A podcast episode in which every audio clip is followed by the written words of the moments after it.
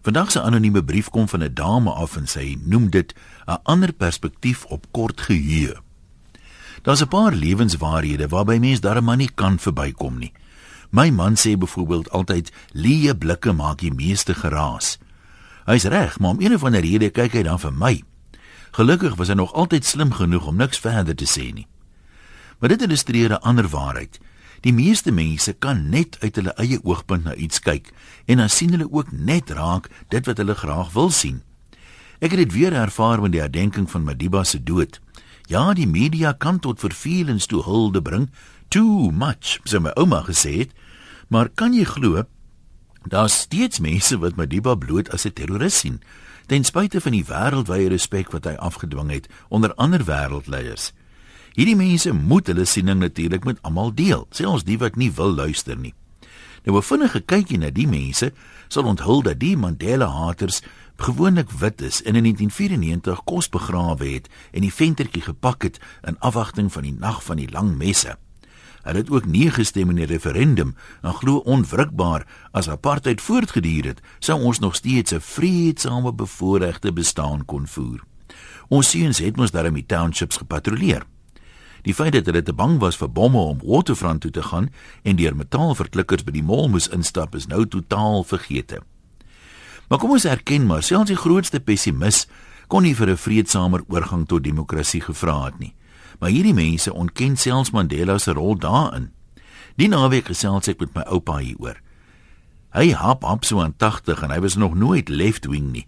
Maar met die wysheid van die grysheid gee oupa toe onverwags vir my 'n nuwe perspektief. Ou nooi sê hy, kom ons ruil die rolle om. Kom ons maak die wit mense swart en die swart mense wit. Nou gestel, dit was 4 miljoen swart mense wat 40 miljoen wites onderdruk het en daarvan weerhou het om te stem in die land waarin hulle gebore is. As Mandela nou wit was en hy het hom tot terreur gewend om sy mense te bevry en hy's gevang en verhoor en hy het 27 jaar in die tronk gesit voordat hy die wit mense na demokrasie kon lei. Dink jy daai selfe Mandela haters sou nog na hom as 'n terroris verwys het? Natuurlik nie. Hy sou vir hulle dieselfde held gewees het. En eintlik pas dit so omgeruil beter in by die wit mense se geskiedenis, want baie van hulle helde is juis helde eerder oor verset as oor versoening. Nou vra mense, wat se nalatenskap moet ons onthou? Kyk hoe lyk die land. As jy daai selfde redenasie toepas die nasionale party se geskiedenis, dan het dokter Malan en dokter Verwoerd se opvolgers hulle nalatenskap ook mos liderlik vertrap of hoe.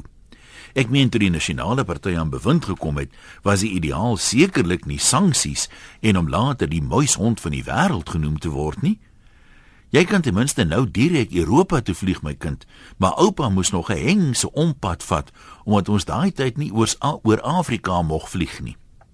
Ou nooi, jy sal sien dat al hierdie Mandela haters ook altyd groot Christene is.